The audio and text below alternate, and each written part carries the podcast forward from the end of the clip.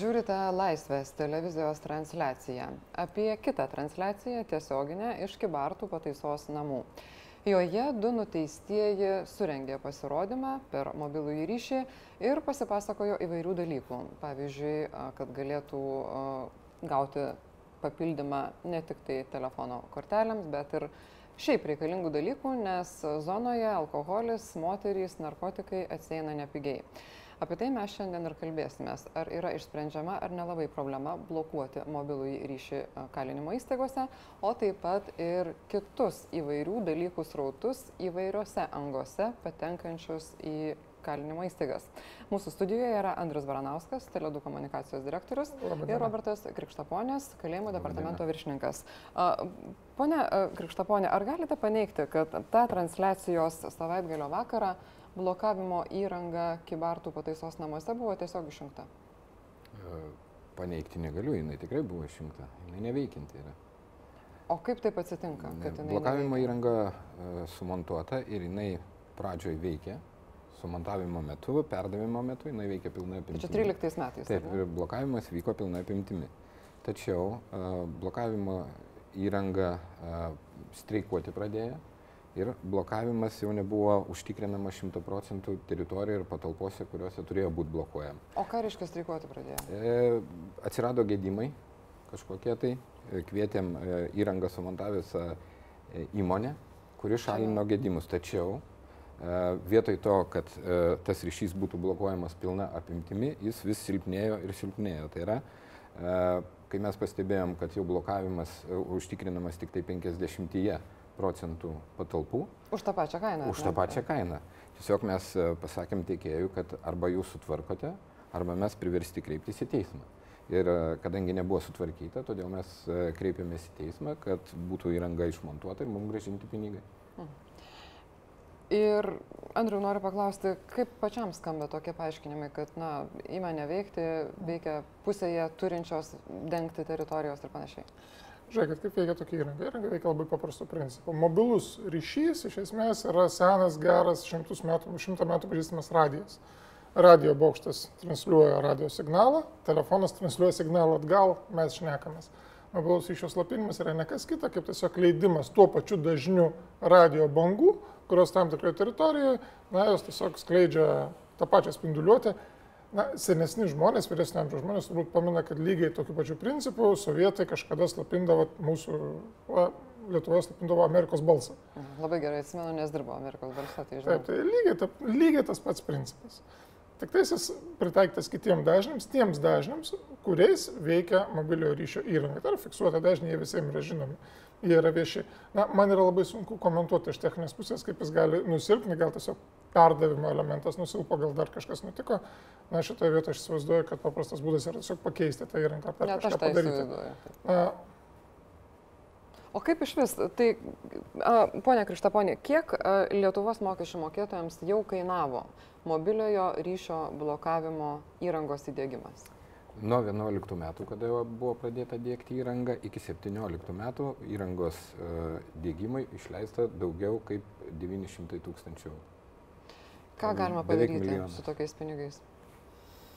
Na, man labai Ką sunku... padarytų kitos šalis, jeigu aš paklausiu? Žiūrėk, man dabar vėlgi labai sunku, sunku komentuoti, nes tos įrangos kainai nu, labai sviruoja. Čia mes turim prisiminti, kad tai yra vis tik įkalinimo įstaigos ir aš įsivaizduoju, kad tikrai labai svarbu yra ne tik tai slopinti signalą, bet ir fiziškai apsaugoti pačią įrangą nuo to, kad kaliniai na, galų galėjos nenulaužtų, Na, nesulaužtų, nesugadintų, tai aš manau, kad čia na, turbūt gal net ir didesnė a, a, to, tų, finan, tų finansų dalis, nes technologijos turi vieną nuostabą bruožą. Technologijos pinga ir tampa geresnės tuo pat metu. Palyginimui, kad jūs įsivaizduotume, 2011 metais, kai mes pradėjom kalbėti, pasaulyje nebuvo 4G ryšio iš viso Mes 2012 metais, mes Teledu norėjome gauti, na, norėjome rodyti viešą transliaciją 4G, pasaulyje nebuvo nei vieno telefono. Mes susidurėm su tokia problema, kad dar nebuvo 4G telefonų. Šiandien 4G telefonai yra labai pigus, kainuoja iki 100 eurų, nusipirksit visur ir kiekvienas jūs turi. Tai yra pavyzdys, kaip greit technologijos ir pinga, ir mažėja, ir gerėja tuo pat metu. Tai aš iš tikrųjų, na, mano raginimas būtų naudotis tą tendenciją. Ir... O kodėl neteina tos pinkančios ir gerėjančios technologijos į Lietuvos įkalinimo įstaigas. Jūs turite omeny telefonus? Mm, telefonai ateina įvairiausiais būdais, ar ne, Andriu, papasakok savo pavyzdį, kurį kolegom pateikėt. Na, mes kolegom pateikėm pavyzdį apie tai, kaip kažkas tai, vėlgi, kurį aš radau tik tais iš žiniasklaidos, kurį aš perskaičiau žiniasklaidą, mes daliname su kolegom užsienyje, kad na, penkis beros telefonų žmogus sugebėjo įsinešti iš tų, kurie, suga, kurie buvo sugauti. Kai jūs sakote įsinešti, gal galite truputį tiksliau pasakyti? Kadangi mes vis tiek čia mus gali žiūrėti ir vaikai, tai mes pasakėm, kad jis įsinešė juos savyje. Nedetalizuokim toliau jau, kaip tai, va, tai, tai, tai ne telefonus vis dėlto, o tą įrangą, kuri apsaugotų nuo įvairiose uh, ertmėse kūno įneštų telefonų naudojimo. Kodėl neteina tos technologijos, kokias jūs matot priežastis? E, matot, e, dabar visur eskaluojama yra tai, kad yra pagrindinis dalykas, tai yra blokavimas. Apie ką mes čia ir kalbam. Tai? Įkalinimo įstaigos turi užtikrinti, kad ne, nepatektų draudžiami daiktai. Tai yra telefonai ir kiti daiktai. E, tokios prievolės e, įstatymė, kaip užtikrinti blokavimą, pas mus nėra. Čia e, sukurta tokia opinija visuomeniai, kad tik blokavimas. Tai nėra blokavimas. Tai yra, e, mes turėtume žiūrėti į tai, kad turėtų būti naudojamas kompleksas priemonių. Gerai, Taip? bet jeigu neišeina užtikrinti, kad nebūtų įnešami telefonai, tai gal paprasčiau būtų užtikrinti, kad nebūtų galima jais pasinaudoti, ar nebūtinai? E, mes, e, jeigu būtų uh, dikumoje įkalinimo įstaiga, tai padaryti nebūtų sudėtinga. Tikriausiai pritarsit man tai. Jeigu mes pastatytume galingą blokavimo įrangą, mes užblokuotume pilnai. Tačiau, imant tokius pataisos namus kaip Alytaus, uh, šiai dienai ten yra dėktos trys blokavimo įrangos. O jos būna įjungtos ir išjungtos? Jos įjungtos. įjungtos. Viena iš jų dirba pusę galingumo, kadangi padidinus galingumą, jūs tikriausiai žinote, kad šalia yra gyventojai mes blokuojam ne tik nuteistų, tačiau ir gyventojų telefonus. Ryšių reguliavimo tarnyba mums uh, duoda pastabas, kad jūsų įranga per stipriai veikia. Sumažinus galingumą atsiranda ryšys ir uh, nuteistųjų patalpose. Mes susidurėm su šita problema, kad ne, e, blokuojam ne tik gyven, e, mūsų nuteistų, bet ir gyventojų ir sureguliuoti taip, kad tas ryšys būtų blokuojamas tik mūsų patalpose yra pakankamai sudėtinga. Taip, Ką mes, bet, bet, bet... jeigu galima sekundėlę, tai... e, mes turėjom e, pasitarimą ryšių reguliavimo tarnybai kartu su operatoriais, su teikėjais paslaugų ir e, bent jau sutarėm taip e, ir jie, ačiū jiems, teikia informaciją apie tai, jeigu pasikeičia dažniai. Mes jau gaunam ryšį, kad keisis kažkas ir mes galim savo įrangą sureguliuoti taip, kad jinai jau pradėtų veikti e, tada, kada pasikeičia dažniai.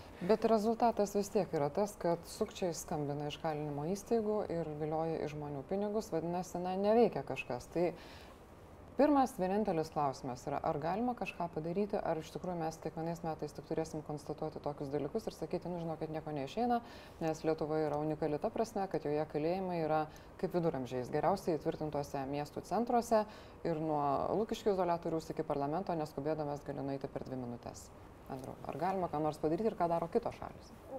Žiūrėkit, tai yra eilė priemonių ir jūs visiškai teisingai ir, ir, ir Gerbiamas direktorius visiškai teisingai pastebėjo, kad tie dalykai visų pirma neturėtų ten atsidurti. Ir jūs pati minėjote, na, kad e, tie kaliniai transliavo ir kalbėjo apie alkoholį, narkotikus ir moteris. Kiek aš suprantu, aš nesu buvęs įkalinimo įstaigoje, ačiū Dievui kol kas, bet kiek aš suprantu, nei vieno iš tų trijų dalykų ten neturėtų būti.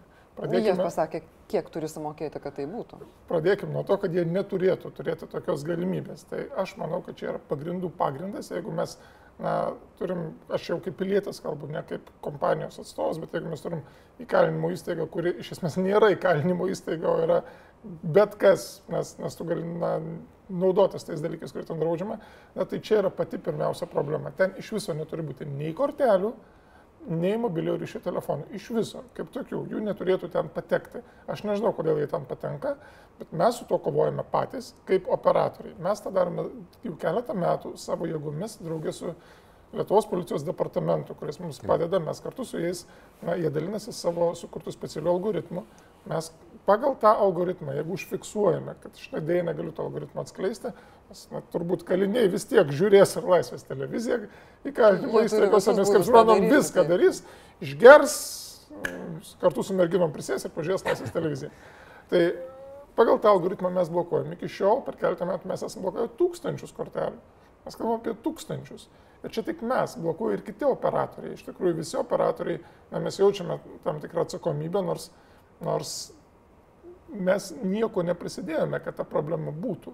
Mes tiesiog teikime paslaugą. Mūsų įstatymas mums liepia teikti paslaugą visoje Lietuvos teritorijoje. Mes tą privalome daryti. Ir, ir taip mes blokuojame, mes stipriname tą bendradarbiavimą su policija. Nuo Liepos pabaigos mes blokuosime ir e-mail kodus. Tai yra, kiekvienas telefonas turi e-mail kodą ir nebus galima tiesiog... Tai hebrai, kurie kalinimo įstaigose dabar transliuoja. Jo, tai vad vyrai, jūs dabar, reiškia, įdėmiai klausykit, nes čia yra specialiai jums. Mes blokuosim jūsų e-mail kodus. Mes kortelę gali pakeisti. Jeigu tu turi 20 kortelių, paimi įsidėjai kitą kortelę ir skambini. Kai užblokuosi e-mail kodą, tas telefonas Lietuvoje iš viso neveiks. Ne vienam tinkle galės turėti kiek nori kortelių, jisai neveiks. Vėlgi, na, Kol Pradėkime nuo to, jo ne? ten neturi būti iš principo. Tai dabar ateikim, ir atėjom prie to, kad uh, jų ir nebūtų, jeigu neįneštų personalas, ar ne? Nes turbūt ten ta mistika tikėti, kad juos visus sumėto per tvoras, na, man bent jau sekasi sunkiai, turbūt tiek negali primėtyti. Bet uh, jūs uh, naujas vadovas. Kiek žmonių jūs galėjote pakeisti atėjus į sistemą? Arba kiek pakeitėt? Jūs turite omeny darbuotojus taip. iš kalėjimo departamento, taip. taip? Ir pavaldžių įstaigų. Iš pavaldžių įstaigų. Pavaldžios įstaigose didžioji dalis yra laikini vadovai. O kadangi, ne vadovai? Kadangi iš nevadovų pakeista nebuvo. Ar jūs Tiesiog, tikit? Kai kurie žmonės išėjo iš darbo ir šiai dienai, kadangi politinė situacija buvo tokia, kad mes ir ministro neturėjome ilgą laiką. Taip, Tai, ir, Kai turėjote, irgi nelabai buvo girdėti. E, pavaldžių įstaigų vadovus skiria ministras. Skiria, baudžia, atleidžia ministras, nekalėjimų departamento direktorius.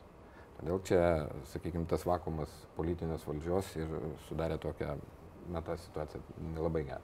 Ar jūs tikite, kad galite pakeisti, reformuoti sistemą iš esmės, nekeičiant dabartinio personalo įkalinimo įstaigose? Dalis personalo bus keičiama, Kokia? Galbūt e, e, keičiama bus ne tiek e, ta prasme, kad iš, išvarom į gatvę, ne mes to nedarysim. O kur dėsit? O dalį personalo reikėtų rotuoti. Tai yra, kada žmogus kiekvieną dieną dirba su tais pačiais nuteistaisiais, natūralu, kad jisai per tam tikrą laiką susigyvena. Tai jeigu ne, padėsit prie taip. kitų nuteistojų pasikeis? Tai jeigu mes juos rotuosim iš vienos pataisos įstaigos į kitą, atlikti savo tiesioginį darbą, na, keičiasi personalas, ir jau e, tas e, ryšys tiesioginis jau, kaip ir sakykime, bus sutraukytas. Ar jūs tikite, kad kaliniai Tikiu. neperdoda informacijos, pas jūs atėjo va šitas geras bičias, jisai gali jums šabeito atnešti? Bet jeigu jisai šiandien dirba čia, rytoj ten, poryt dar kažkur, tai, tai, tai automatiškai, tai, kam patogu? Raštelius net gali nešoti, jeigu telefono neturi. Tai čia, taip, sakykime, jisai nežinos, kur jisai turės atlikti savo pareigą šiandien, kur rytoj dirbs, poryt dirbs. Taip. Dar viena problema, kuri taip pat buvo atskleista ir per, tą savaitgalio transliaciją - narkotikai. Mhm. Heroino irgi neturėtų būti laisvės atimimo įstaigose niekaip, tačiau prieš kelias savaitės buvo pranešimas apie prižiūrėtoją apsvaigusi nuo metadono. Tai moksliškai yra įrodyta, kad heroinas ir metado, kad metadonas neatsiranda žmoguje, kuris nevartoja heroino, ar ne? Mhm. Jūs esate pirmasis Lietuvos istorijoje departamento viršininkas, kuris įsileido į kalėjimus metadono programą. Kaip Jūs matote jos veikimą? Ar tai padės sumažinti heroino kiekį kalinimo įstaigose? Manau, kad padės sumažinti ir mes e, pirmiausia e, taikom tą metadono programą tiem, kurie ateina iš laisvės. Jau su ta programa. Jie pradėjo, pradėjo savo gydymą laisvėje ir mes tą gydymą tęsiam, tiesiog jo nenutraukiam. Bet jeigu jie prasižengia, jie yra išmetami iš tos programos priešingai visų tarptautinių ekspertų rekomendacijoms. Ar jūs nematote čia problemos, nes jie tada kitą dieną grįžta prie heroino, prie prižiūrėtojų, kurie tą heroiną atneša? Na, kol kas tokiu atveju aš nežinau, kad būtų nusižengę. Bet tai yra įrodyta tyrimais. Tai jūs tiesiog esate įsitikinęs, kad galėsite apsaugoti savo sistemą nuo tokių atvejų ir tie kaliniai nenusižengs?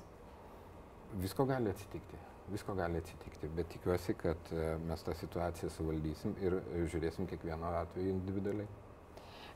Ko jums labiausiai reikėtų, kad galėtumėte įvykdyti vidaus reikalų ministro balandžio mėnesį jums iškeltą tikslą, kad sutarčių kalėjimo departamento pasirašytų ir turimų vykdymas būtų efektyvus, o neefektyves, kaip su kompanijomis, kurios dėgia blokavimo, tarkim, įrangą, tai yra Sakura, Atėjo, kad jos būtų galimos nutraukti.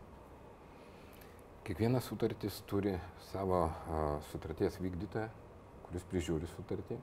Ir kiekvienas darbuotojas, kuris turi savo žinioj sutartį, jis ją privalo vykdyti. Taip, mes esam, daviau tokį nurodymą, peržiūrėti visas sutartis, kurias turi kalėjimų departamentas, pasižiūrėti, kurios sutartys yra mums nenaudingos, arba kurios sutartys e, pažeidžia e, galbūt mūsų kaip įstaigos gerą vardą ir tas sutartis bus nutrauktas.